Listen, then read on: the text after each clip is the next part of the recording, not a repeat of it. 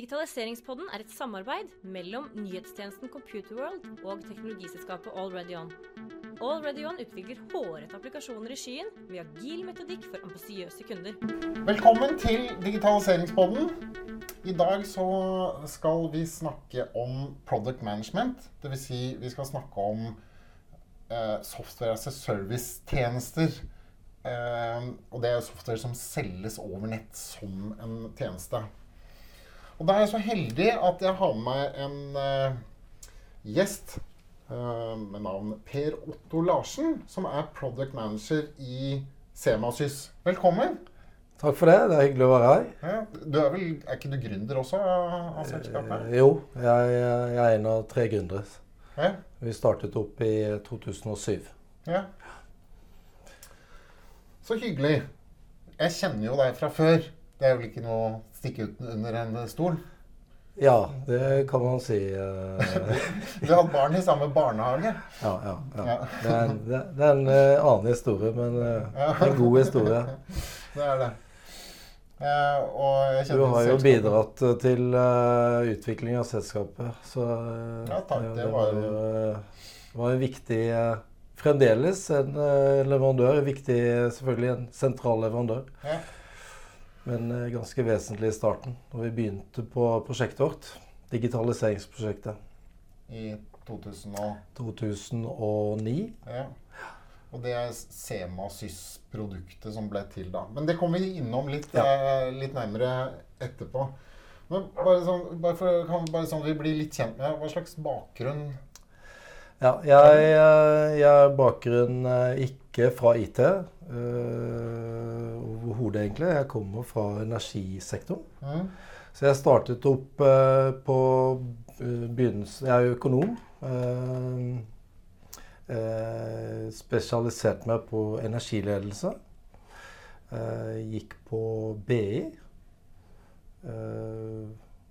Og så begynte jeg å jobbe i, i Nærings- og energidepartementet, som det het den gangen. Ja, ja. Så det var den gang Gro var statsminister, og Jens var nærings- og energiminister. Og da det var kult å jobbe i oljebransjen. Dette må bli noen år siden. Det var før internett var oppfunnet. Det, det, var Jeg husker vi fikk eh, e-post. Jeg gjorde det? Ja. ja. Og det var ganske skummelt. Mm. Jeg husker jeg fikk e-post. Uh, min første e-post, da visste jeg ikke helt hvordan jeg skulle respondere på den. Hva vil denne kollegaen meg? Jeg sitter jo rett borti gangen. Skal jeg svare på denne, eller skal jeg Det er ganske mye historie som har skjedd eh, på, på digitaliseringsfronten etter det. Ja. Nei, så, jeg, har jobbet i oljeselskap. Øh, jobbet syv år i, på nordiske kraftbørsen, Nordpol, med forretningsutvikling. Mm. Og jobbet med eh, utvikling av finansielle energi- og klimarelaterte produkter der. Ja. Eh, det var sånn eh, fikk interesse Var det da du begynte å komme inn for, for Ja, det, det, var egentlig det som var litt bakgrunn for eh, etableringen av eh, Semosus. Vi hette da CO2-fokus, de ja. første uh, som vi hette da den gang. Uh, og klima var da utgangspunktet, som uh, entusiastisk gjeng som ønsket å, å, å, jobbe med fokus på dette her. Og så har jo uh, det tatt Selvfølgelig Vi er jo Det er jo et av hovedsporene våre, men nå er vi på bærekraftstjenester. Ja. Men bare, hvis vi kan snakke litt om CO2 eller green, er green greenhouse. Greenhouse gases? Ja. ja. For det, det, har kommet litt i skyggen av koronatiden. For, jo, for, et år siden så var jo dette den største krisen i, global krise, og det var veldig mye ja. snakk om det. Ja, ja, har det gått over pga. Uh, korona, eller er det like ille? Eh, klima, klimakrisen den, den, eh, den, går ikke over pga. korona, det kan vi konkludere med. um, Nei uh, Men Hvor ille er det? Det, det, er, det, er, det er, ille. Vi er nå i 2020, og eh, hvis vi skal eh, tro vitenskapsfolk i verden det, det, er da vi snakker om FNs klimapanel, som består av noen tusen vitenskapsfolk. Og de velger jeg å tro på. Det, det, er liten grunn til å ikke gjøre det. Nei. Du kan godt tro at jorda er flat, men eh, Det er noen som gjør det, det er noen som gjør det òg. Eh, så har vi ti år på å halvere utslippene våre. ja. Og det var mye økning var det i året vi kunne tillate oss, eller var det en 2 %-regel? Hva betyr det? Nei, vi, ja, det er eh, som det heter seg at eh, verden skal eh, I henhold til Parisavtalen så skal verden prøve å begrense temperaturøkningen Mm. til maksimalt to grader. Og helst nærmere halvannen grad. Ja. Vi nærmer oss jo nå halvannen grad. Uh, og eh, hvis, vi skal, hvis vi skal ha noe som helst mulighet til å nå togradersmålet, Mm. eh, så må vi halvere utslippene. Da må verden halvere utslippene sine innen eh, i løpet av ti år. Og det er en formidabel eh, oppgave, selvfølgelig. Innen 2050 så skal vi helst komme i null. Det er jo veldig lenge til, da. Eh, ja, det er 30 år. Eh, det er ca. så lenge som jeg har jobbet. Det begynner å nærme seg i hvert fall. Jeg syns det går ganske fort. Men det er klart, da er vi pensjonister. Sånn at eh, Men det blir eh, Vi ser jo at eh, klimaendringene allerede er i gang. Og det skjer veldig mye. Så det er ingen grunn til å, å vente. Men, men hva skjer da hvis vi ikke får greier å stoppe dette her? Er det akopolyptiske tilstander? Eller er det Nå, nå, jeg tenker at det, det skal ikke jeg gå inn på. Det, det kan man bare google på, på nettet og så se hva, som, eh, hva, hva man sier. ja, Men det er dramatiske konsekvenser. ja. Men jeg spør deg, for du er proff innenfor for dette her, og veldig ofte når man får skal vi si, forklart det ene eller andre, så er det noen som er med på ytterpunktene, som, som forteller hvordan ting kommer til å bli, eller hvor farlige ting er, eller hvor lite farlige ting er. Av natur så er jeg optimist, så jeg tror vi kan fikse dette her. Jeg tror at uh, menneskeheten og teknologien kan vi gjøre veldig mye. Ja. Uh, jeg er ikke dommedagsprofet. Uh, vi sitter og jobber med dette daglig, og da har vi fokus på de små tingene. Innimellom. Vi hjelper bedrifter til å bli bedre. Vi, eh, eh, og, det, og der ser vi en klar positiv utvikling. Vi ser jo det at det er lang vei å gå. Mm. Og det er, det er en formidabel oppgave. Eh, så vi må bare krumme nakken og stå på. Og jobbe videre. Det er ikke noe annet å gjøre enn det. Hva er de, liksom, de store tingene som må gjøres for å, for å få kuttet uh, CO2-utslippene? Ja, de store utslippene er jo knytta til energiproduksjon. Mm. Eh, da bruk av eh, kull, selvfølgelig. Bruk av eh, naturgass. Det, er, det er den største enkeltkilden til utslipp av klimagasser. Ja. Produksjon av elektrisitet med skittenkull. Ja. Deretter er det jo selvfølgelig transporten som, eh, som er nødt til å, å, å bli mye renere enn den er i dag.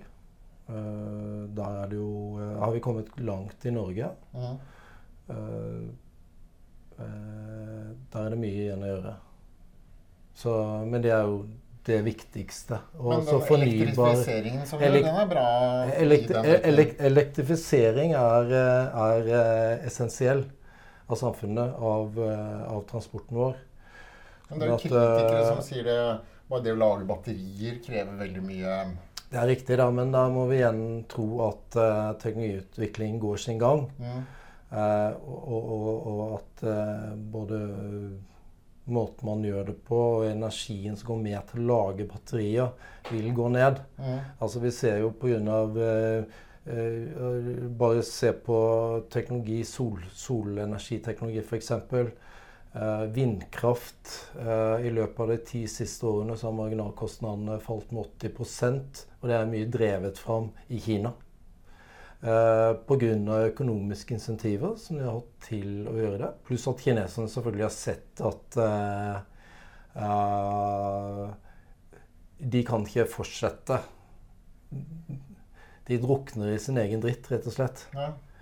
Så, så, så Kina har faktisk kommet uh, kanskje lengst i verden på å elektrifisere transporten sin og offentlig kommunikasjon.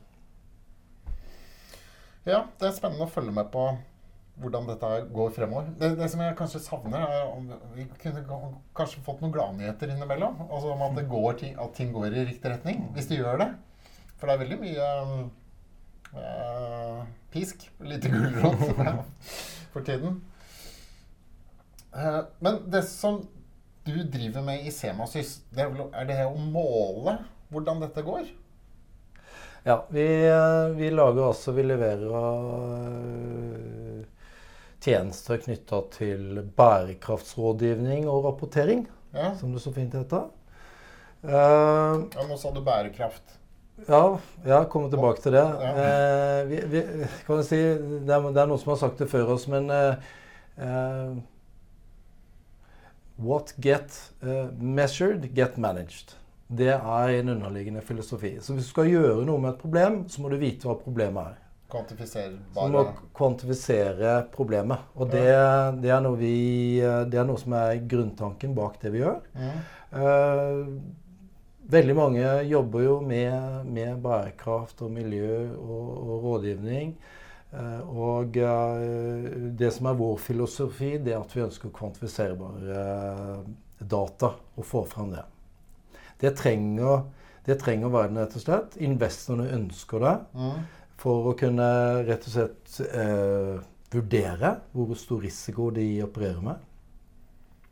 Ikke sant? Eh, forsikringsbransjen, mm. Som betaler ut uh, Ser for seg ragnarok med utbetaling av uh, forsikringspremier knytta til ekstremvær og naturkatastrofer. De er nødt til å få kontroll på den risikoen. De må vite hva den risikoen er. Ja. Og da trenger de data. Data og facts, ikke følelser og gode historier. Mm. Så det er det i, uh, i, kjernen som vi jobber med. Og da har vi laget Eller vi holder på å utvikle. Vi, har, vi, vi, vi utvikler digitale uh, applikasjoner på nettskytjeneste for å lage klimaregnskap, energi- og klimaregnskap for å rapportere all ikke-finansiell uh, bærekraftsrelatert informasjon. Det som kalles ESG, Environmental Social Governance, som er da et viktig stikkord her. Ja, riktig. Ja, forklar det, da. ESG. Ja, ESG som begrep har tatt over som det store buzzword i, i denne verden, hvor man snakker om ESG-selskaper ESG-data, eh, e ESG-rating osv. Det er kort sagt at, eh, at det er et ESG-selskap i dag. Det er f.eks. et selskap som produserer fornybar energi, ja. eller som, en, som, er et green tech-teknologi. Uh, ja, for green tech har blitt, det har blitt mye mer verdt på børsene. Ja, det er jo bonanza. Ja. Ja, så, ja for, det, for det, det, hadde jo ikke noen sånn appell tidligere. For fem år siden så var liksom ikke green tech eh, Hvis du kom med det, så var ikke det så spennende. Det, det har vært en endring der da? Det har skjedd en, eh, en enorm endring etter uh, Jeg vil si det startet med Parisavtalen i 2015. Mm. FNs bærekraftsmål. Hvor dette havna mye høyere på agendaen. Uh, hos politikere og næringslivsledere. Eh, så gikk det Jeg vil si de to-tre siste åra så har det økt kraftig i, eh, i fokus. Så eh, det merker vi med hvordan vi også Vår vekst, vårt lille selskap, reflekterer egentlig samfunnet rundt oss i, i hvilken grad det er fokus på dette her. Til tross for USA? som meldte seg ut av til tross, til tross, for USA. Du vet at selv om Trump sitter der som en kork, mm. så, så, finnes det heldigvis fornuftige lokale politikere og, og næringslivsledere som skjønner sammenhengen, mm. og som skjønner at hvis man ikke tar dette inn over seg, så, så, så dør du som selskap. Mm det er bare Det kan du regne med som 100 sikkert. Ja. Men de som bruker skjemasystem, er vel da, vil jeg tro, store selskaper som er nødt til å rapportere på, på disse bærekraftsmålene? Ja, det er, det, det er, det, det er store og små selskaper. Det er alltid fra små bedrifter. Men, men flertallet av de som rapporterer på ESG-data i dag, det er jo litt større børsnoterte selskaper. Mm. Eh, jeg vil fremdeles Jeg vil jo si at vi fremdeles er på altså, klokka ti om morgenen. Solen har akkurat stått opp. Mm. Eh, det, er- det er stort eh, rom her for forbedringer. Ja. Det er fremdeles mange av de største børsnoterte selskapene så, som, ikke rapporterer. Men det begynner å skje veldig mye. Det begynner å skje det, det, ganske fort nå. Vi merker det. At eh, små og mellomstore bedrifter eh, begynner også å flytte på seg. Så det, det er en veldig positiv trend. Men de typiske kundene dere har nå, det er Er det hva slags Det, ja, det er, eh, det er innenfor finans. Vi jobber med de største nordiske bankene. Vi jobber med næringsmiddelindustrien. mm. F.eks. Orkla, eh, Kavli. Vi jobber med fiskeoppdrett. Selskaper som Movi. Mm. eh, Norwegian Brown Salmon. Vi jobber med industri. Vi jobber med eh, varehandel. Claes Olsson, Kid. eh, XXL, f.eks. Mm. Tekstilbransjen, ikke minst, som eh, har vært veldig under press. eh, både kommersielt nå i siste, selvfølgelig gjennom eh, koronatiden, men pga. Verdikjeden, litt skitten verdikjede, så, så er det høyt fokus i den bransjen der. Men de bedriftene de rapporterer inn hvor mye de forbruker av CO2, eller hvor mye de slipper ut av CO2. Forbruker, altså, det vil være bra. Et, du kan si et, et selskap skal rapportere på det som er vesentlig. Mm. Eh, du, du måler eh, hva, du, du skal kartlegge hva som er vesentlig for din virksomhet. Mm. Og hvilken eh, impact du har på omgivelsene dine. Ikke bare på klima, men eh, når vi snakker bærekraft, så, så er det jo selvfølgelig eh, miljø og klima.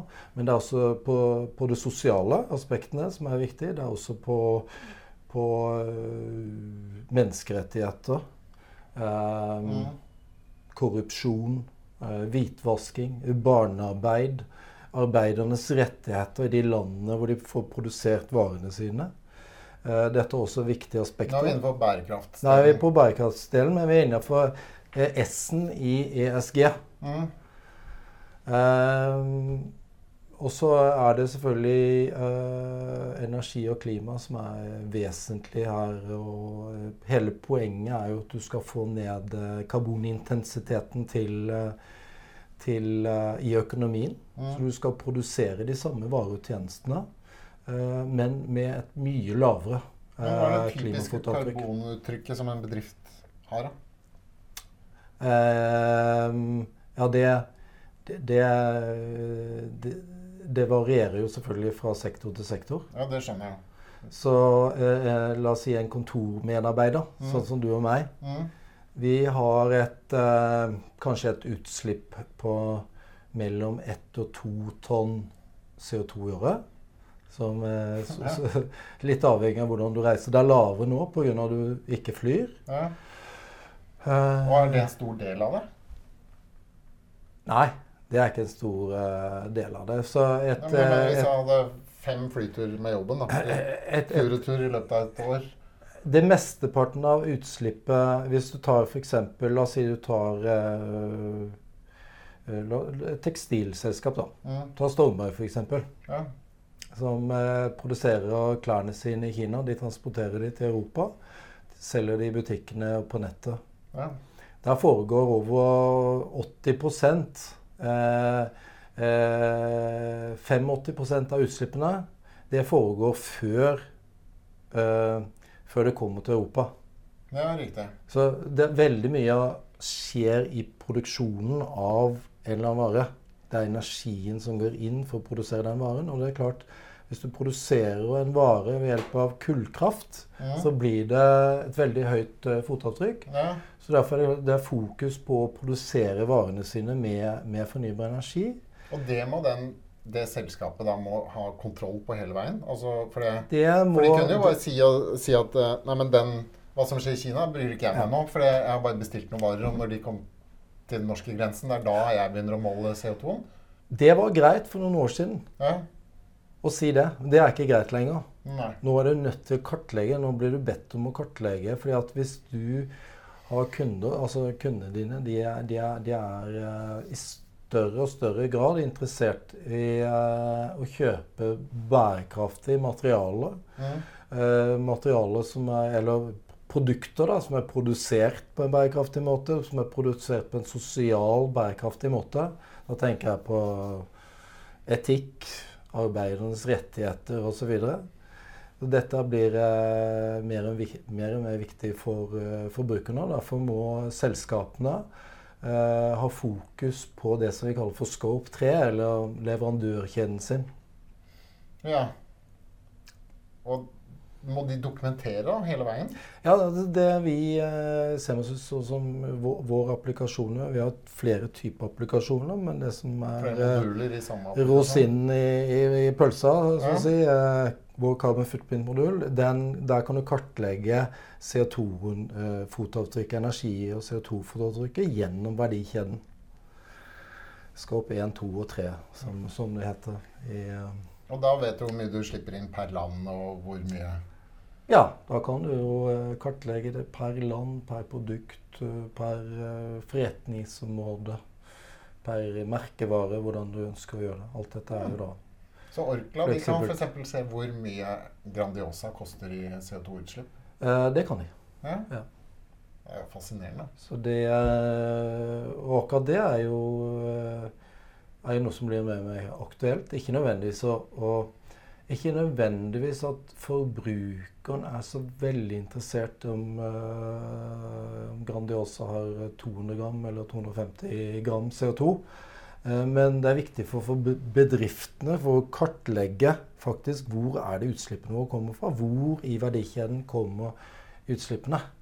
Ja. Og for nettopp å kunne gjøre noe med det. For de har jo da flere og flere bedrifter forplikter seg jo til å redusere egne utslipp, sånn at det er i tråd med Paris-målene. Og da har de sagt eh, at de har kommittert seg til å halvere utslippene innen 2030, og innen 2050 så skal vi redusere med 90% kanskje. Eller helst 100% Ja. og, og, sånn at da må de jo måle. Og, og da mm, Det er eh, Det er nøkkelen for å kunne gjøre noe som helst. Det er å, å måle. ja. Men, og nå har vi snakket litt om målingen, og at det er viktig. Og for å få gjort noe med det, så er det måling som er viktig. Men hva er liksom riset bak speilet her? Mm. Hva, det- hva er det som Altså En ting er å måler, og så sier jeg at eh, OK, slipper ut 100 000 tonn med, med CO2. Ja, so, so what? Skal jeg bare ha flyskam? Eller er det, er, det, er det et eller annet Blir man skal vi si, skattelagt for det, eller bøtelagt, eller eh, Får det noen konsekvens? Hvis vi legger skam til side, Mm. ikke snakker om skam i det hele tatt, tenker rene kommersielle drivkrefter, Mm. eh, så er det klart at eh, skatter og avgifter vil bli mer av. Altså karbonintensive produkter, varer og tjenester vil bli skattlagt hardere i framtida. Men foreløpig så er det ikke så mye? Eh, jo, altså vi har jo CO2-avgifter på, på, på drivstoff, eh, f.eks. i Norge. Ja, riktig. Statoil Nei, unnskyld, Equinor. Betaler jo eh, dobbelt eh, CO2-avgift på norsk sokkel for å produsere eh, olje og gass. Vi betaler drivstoffavgifter osv. Eh, jeg tror at miljørelaterte eller klimarelaterte avgifter vil kunne bli en viktig driver i Europa. I EU-økonomien, rett og slett. Um, Men dette bør kanskje Men- standardiseres på tvers av både Europa og resten av verden? ja, Svaret på det er ja, men det er jo da umulig. Ja. Nei, nei så, men, men det er kanskje ikke den, viktige, den viktigste kommersielle driveren for å gjøre dette her. Det er fordi at eh, investorene, altså interessentene Mm. dine, det er kundene dine, det er de ansatte, det er eh, eierne dine. De ønsker å eh, Eierne ønsker å trygge investeringene sine. Mm. Uh, uh, så, så de ønsker å vite om du som selskap har kontroll på den risikoen du driver i. I dag, om 10 år og 20 år. Og vi ser da at investorene de er veldig Man ser et skift nå fra at kapitalen flytter seg fra tradisjonell brun, grå industri Mm. til grønn eh, industri. Kapitalen flytter seg dramatisk. Eh, og da ønsker du ikke å bli sittende igjen der i, eh, i det kunne være litt høna og eggen, det, da. Altså, eh, altså at eh, de mest drivende selskapene er grønne, og derfor går kapitalen dit. Eller er det fordi de er grønne, så går kapitalen dit fordi de er grønne? Skjønte du hva jeg mente? ja, ja, ja, ja. Men EU Fordi det er moderne, og moderne selskaper er gjerne de som også gjør det best. Nå er- Det er jo selvfølgelig viktig at, eh, at eh, politikerne legger rammebetingelsene. Ja. Når EU for eksempel, de lanserer da EU-taksonomien. Uh, settes i gang til neste år. Det er EUs green deal. eh, hvor de kategoriserer selskapene etter grå, svarte selskaper. Do no substantial harm. Det er de som verken gjør godt eller vondt. Mm. Og så er det de grønne selskapene. Og hele Green Deal går ut på å flytte selvfølgelig selskaper fra den grå kategorien, den, den nøytrale kategorien, til den grønne. Det er liksom det Green Deal å få selskapene over. Og da må de rapportere. Eh, så at eh, det er frivillig i dag, eller frivillig i gåstegn. Det er, eh, eh, det er drevet fram av interessentene, av investorene, kundene. Eh, eh, medarbeiderne dine. Medarbeiderne, unge folk i dag, de ønsker å jobbe i, i, i framtidens bedrifter. Mm. Sånn at uh, Og du hører jo aldri noen som utdanner, seg for å begynne å jobbe i kullkraftverk. Nei. Nei. Det hørtes ikke særlig sexy ut. Nei. Neida, så det at det går i en retning hvor dette går mot compliance i veldig sterk grad. Men EU-taksonomien, taks, det står jo da for skatt, da. Så det er skattedrevet. Eh, nei, det er ikke det det betyr egentlig. Det, er, eh, det kan godt være at, eh, at taks blir en, eh, virk, Det er ett av flere virkemidler. Mm. Eh, Så har du jo sånne andre virkemidler som kvotehandelssystem f.eks., som er et markedsbasert eh, eh, avgiftssystem, kan man godt si. Ja. Uh, men, uh, men poenget uh, er jo det at EU skal skyte inn masse stimuli. Mm. Vi snakker om oljefond ganger halvannen, norske oljefond ganger halvannen. I åra som kommer. De skal skape millioner av arbeidsplasser. Innovasjon EU. Innovasjon EU. Og det, det, det er selvfølgelig eh, Hvis du ikke er med på dette her, så, så havner du fort i uh, bakgården. Og om ti år så er du sannsynligvis ikke noe mer. Nei. Det er mye som kommer til å skje de neste ti årene. For det Ja. går bare fortere og fortere. Ja. La oss dreie temaet litt over på, på noe som jeg syns er veldig spennende. Fordi, eh, da jeg traff uh, ditt selskap for ti år siden, eller, eller noe sånt, så het dere CO2 Fokus, og så var dere et konsulentselskap altså som drev med consulting innenfor dette temaet. Og så har dere i den perioden da, fra, fra da og frem til nå, så har dere gått fra å være et consulting-selskap til et software-selskap eller softwarehus eller software as a service-leverandør. Og det er liksom blitt hovedproduktet deres. Fortell litt om Ja. den, den reisen, for det, Det stemmer, det. det er Vi, et eh, praktisk eksempel på digitalisering. Ja. Uh, vi begynte som sagt eh, med, med, med å jobbe med vi, vi begynte å jobbe med Excel-ark. Men vi forsto ganske raskt at skal vi, skal vi utvikle oss, så, så må vi også eh, utvikle produktene våre. Og vi ser det at kundene våre trenger profesjonelle produkter her i framtida. Vi var ganske tidlig ute. Ja. Eh, eh, jeg skal ikke si vi var først ute i Europa, men vi er ganske, ganske langt i tidlig fase. Ja. og forsto at det var behov for å utvikle nettskybaserte tjenester. Så vi begynte allerede i 2009. og eh, da eh, gjennom det arbeidet Vi lanserte den første nettskytjenesten i eh, januar 2011. Ja. Holdt på nå i, eh, i ti år. Det har jo gått en rivende utvikling. Vi har eh, Vi har eh, vi har eh, hele tida som mål å ligge minst to hestehoder foran konkurrentene våre. Vi ser oss ikke tilbake. Nei. Det er dette som er uh, framtida, og der skal vi være. Vi skal være blant uh, de ti topp ti i verden uh, i løpet av fem, fem år. Så vi har ingen tid å miste. Spenstig mål. Ja, det er ikke noe grunn til å ha noe mindre mål. Vi er allerede den jeg vil si, Vi, vi kaller oss ledende i Norden, men vi er, jeg vil si vi er den ledende i Norden. Mm. Og vi er blant, uh, vi, vi er blant uh, topp fem uh, i, i, Europa på denne type spesialiserte software. Det er også litt gøy da, med norsk selskap som gjør noe internasjonalt. For jeg er jo kjent for å fokusere mye på, på lokalt marked. Um, en ting som jeg bare tenker på, er den derre beslutningen når du finner ut at vi skal gå fra én businessform, altså at vi skal leve av konsulenter, mm. til at vi skal leve av, av salg av IT-tjenester. Var det noe som kom sånn brått, at dere tok, det, tok en styrebeslutning om at nå, nå, skal vi Fra nå av så er det software?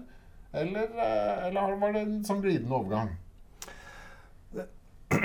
Nei, det det, det, skjedde jo ikke i løpet av en natt. Nei. Men uh, det, var, det, var, en ganske uh, rask erkjennelse av at uh, vi ønsket å, å digitalisere oss. Nei. Nå må det jo sies at vi har jo en, har jo en, en stor, dyktig konsulentavdeling i dag.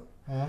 Så vi, vi, vi, vi, ønsker å si at vi er et et, et, et software-selskap, eller vi er et digital teknologihus. teknologihus. Men, men, eh, men, men vi, vi, skiller oss ut fra en del konkurrenter ved at vi tilbyr den faglige kompetansen går hånd i hånd med nettskytjenesten. Mm. Sånn at uh, Det er jo nettopp uh, en veldig stor synergi for vår del. Eh, det kan godt være at kunden kommer inn på en konsulentkontrakt og går og, og, og ser behov for en lisens, mm. eller omvendt. Men nesten alltid. Det er nesten ingen som ikke har begge deler. Så At, eh, og, og det, er, det er Skal vi si det er en nøkkel til den suksessen vi har hatt til nå, vil jeg påstå. Du er jo product manager eller product owner i uh, Når man sier en sånn tittel, så, så, tenker man en, med en gang agil eller smidig metodikk. da. Mm. Altså at du har et team, og så sitter du og på en måte tar beslutninger om hvilke funksjoner og, og, og har fagansvaret for, den, for applikasjonen. Åssen jobber du til, til daglig med, med å utvikle produktet? Ja, vi, vi har et uh, veldig smidig team. Ja. jeg er ikke utdanna på uh, som uh, IT-faglig utdanna, så agil, det, det, høres veldig fint ut. Når man sier smidig, så, så, så, tenker jeg det har vært en helt naturlig evolusjon for oss. Vi begynte jo med Vi satte oss jo ned selvfølgelig når du skal lage et helt nytt produkt som ikke du vet så veldig mye om Så, så må du jobbe litt tradisjonelt. Ja.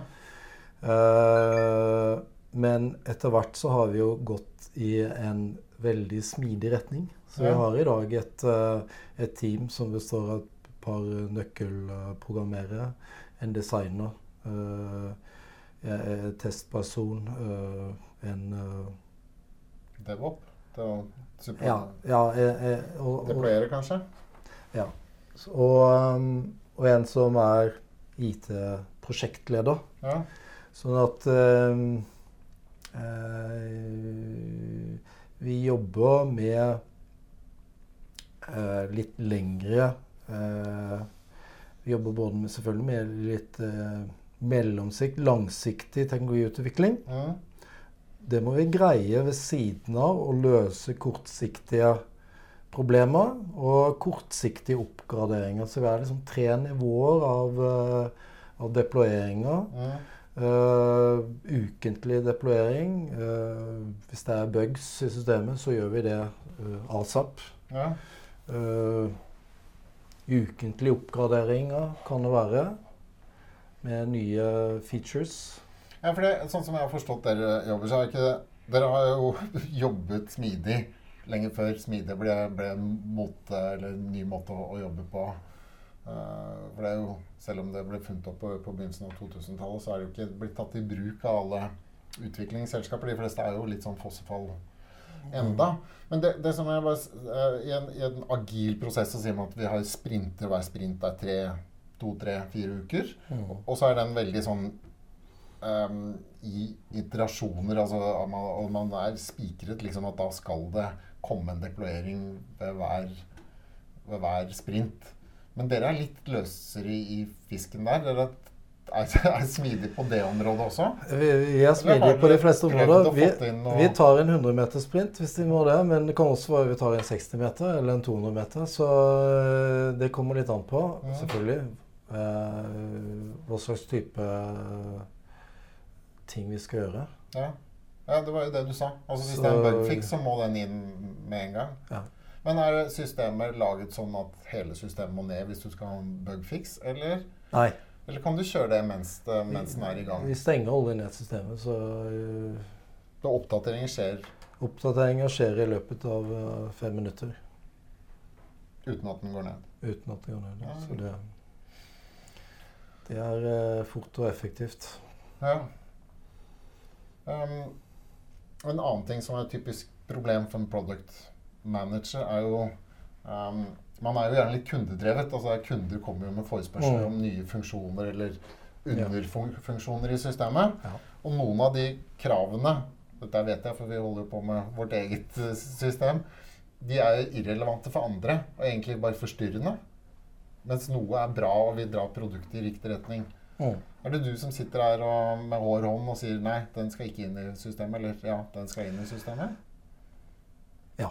Vi, I realitet så er det. Vi har, vi har, en, uh, vi har en, liten gruppe som, uh, som, tar sånne Det kommer selvfølgelig masse gode forslag. Mm. Og, og, det vil jeg si at uh, det er et veldig kundedrevet utvikling. Mm. Men en god nettskytjeneste den kan fort bli ødelagt altså hvis du hopper som haren ja. fra tue til tue og, og, gjør det ene og det andre.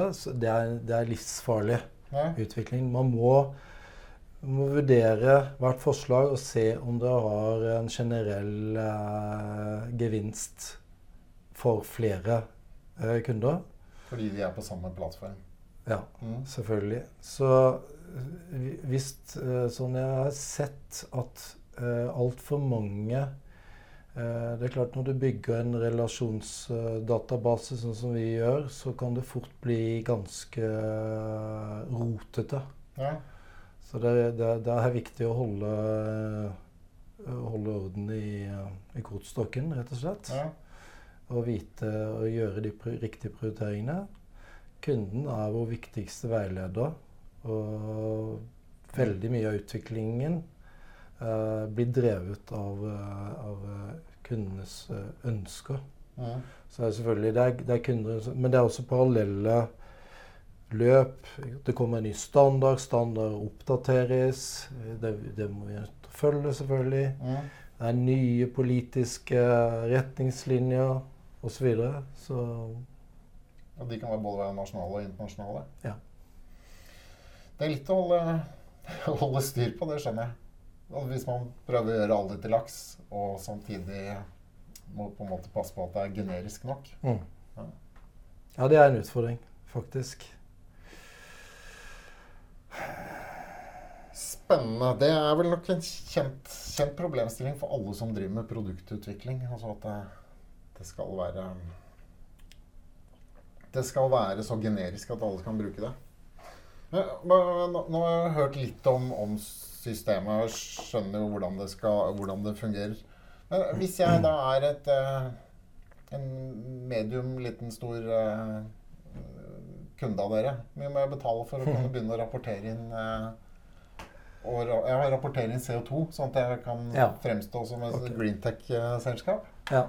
Eh, Vi opererer jo ikke med faste eh, prislister, for det er helt avhengig av eh, hvor komplekst det er du ønsker å rapportere. Ja. Eh, Vi vi har kunder som betaler alt fra fra 15 000 til eh, nærmere en halv million kroner. I året. Ja.